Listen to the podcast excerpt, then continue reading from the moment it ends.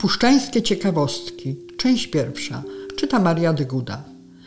Helenista z murowanej gośliny oznaczony przez króla Grecji. Na początku drugiej połowy XIX wieku w murowanej goślinie urodził się Bonaventura Graszyński.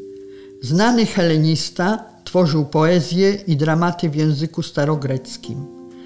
Graszyński za swoją działalność został oznaczony Złotym Krzyżem Kawalerskim Orderu Zbawiciela przez króla Grecji Jerzego I.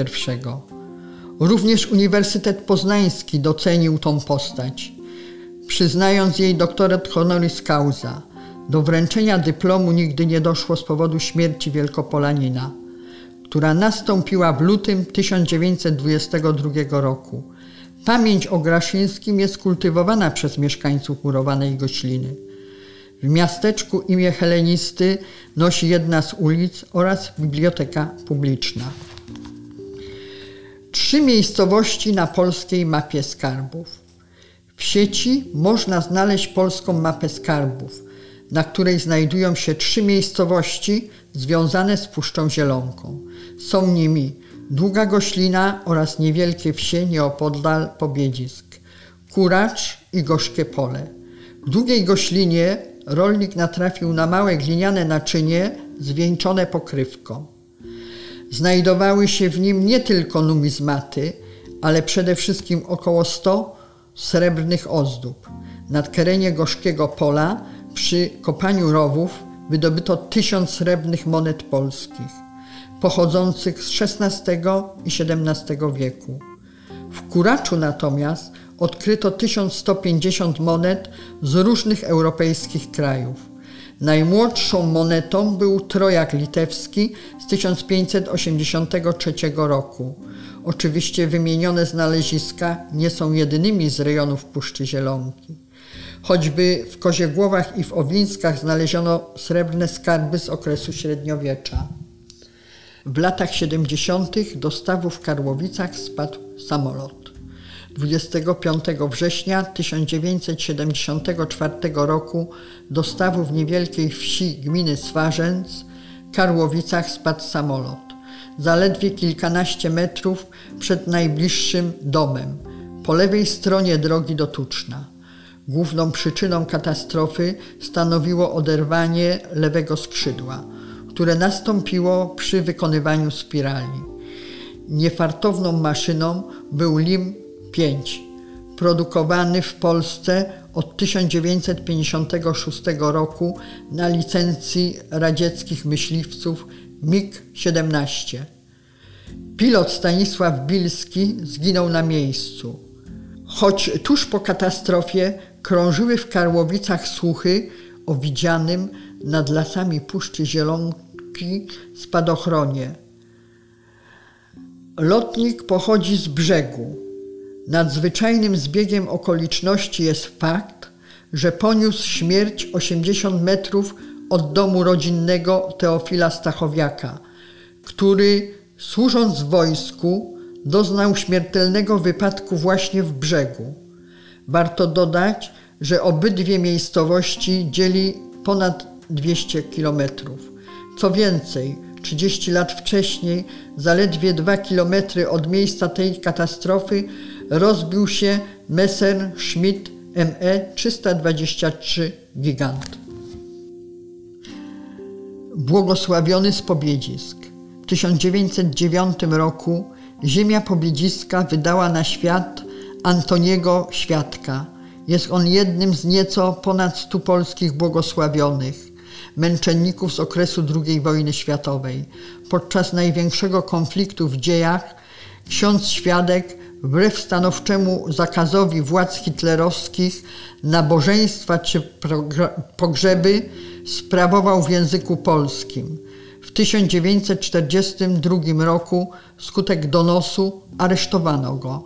Następnie wywieziono najpierw do więzienia w Bydgoszczy, a koniec w końców znalazł się w obozie koncentracyjnym w Dachau.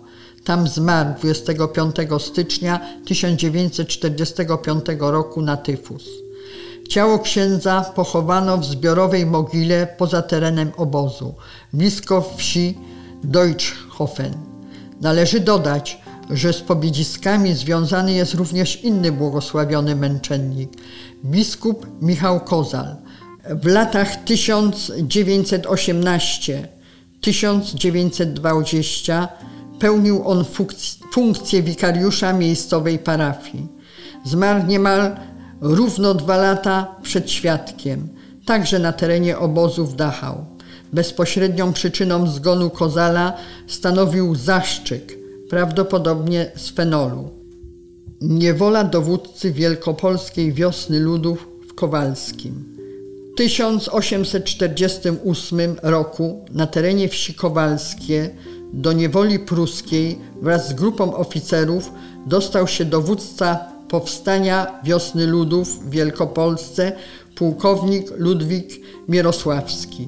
Celem tych osób była ucieczka na zachód, co wiązało się z uniknięciem niewoli i kary za udział w upadłym powstaniu. Dzięki staraniom swego szwagra Mierosławski został uwolniony, po czym opuścił ziemię polskie. Później jeszcze powrócił, aby zostać dyktatorem powstania styczniowego. Jednak po dwóch przegranych starciach oraz konflikcie z Marianem Langiewiczem złożył rezygnację. Obecnie we wsi Kowalskie obok sklepu spożywczego znajduje się kamień oraz tablica upamiętniająca Ludwika Mierosławskiego. Obraz Rembrandta przedstawia dawnego właściciela skoków. W zbiorach waszyngtońskiej National Gallery of Art znajduje się obraz autora słynnego holenderskiego malarza Rembrandta von Ria. Nazywa się Szlachcic Polski i pochodzi z 1637 roku. Istnieje teoria, zgodnie z którą portret przedstawia Andrzeja Reja. Rzeczona postać była wnukiem poety i prozaika Mikołaja Reja z Nagłowic. Dyplomatą na dworze króla Władysława IV Wazy oraz właścicielem skoków. Przypuszczenia, że XVII-wieczne dzieło przedstawia wizerunek Andrzeja Reja mają solidne fundamenty, gdyż w okresie jego powstania odbywał on misje dyplomatyczne na dworach angielskim, duńskim oraz holenderskim. Król Rumunii przejazdem w Bolechowie. Król Rumunii Karol II latem 1937 roku przejazdem zawitał do wsi Bolechowo, a dokładnie na tutejszy dworzec kolejowy. Istniejący po dziś dzień budynek został udekorowany okolicznościowo zielenią, kwiatami i flagami. Po przyjeździe królewskiego pociągu nastąpiła prezentacja broni przez polskich żołnierzy przy dźwiękach rumuńskiego hymnu. Karola II przywitał ponadto marszałek Edward Rydz-Śmigły wraz z innymi osobistościami. Król, Rumunii oraz Rydz-Śmigły odjechali samochodem do Biedruska, a za nimi ciągnął się sznur aut, których znajdowały się m.in. książę Michał oraz polscy i rumuńscy dygnitarze. Tam na poligonie wojskowym odbywała się uroczystość, podczas której Karol II objął honorowe szefostwo nad 57. Pułkiem Piechoty Wielkopolskiej. Wtedy też polski oddział otrzymał jego imię. Rumuńskiego monarchę przez rozwięzłość seksualną czasami nazywa się królem playboyem.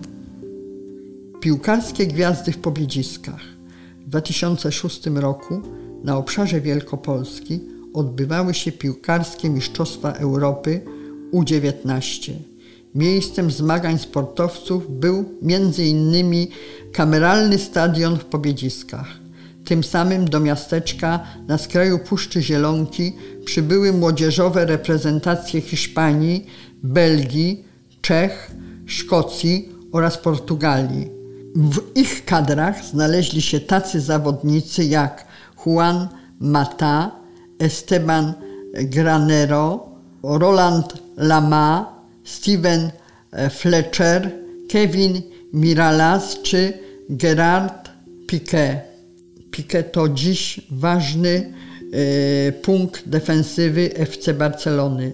Wyjątkowo dobrze musiał czuć się on po biedziskach, gdyż w jednym z meczów szczelił tutaj dwa gole. Oczywiście wymienieni piłkarze byli ponad dekadę temu znacznie mniej popularni niż teraz.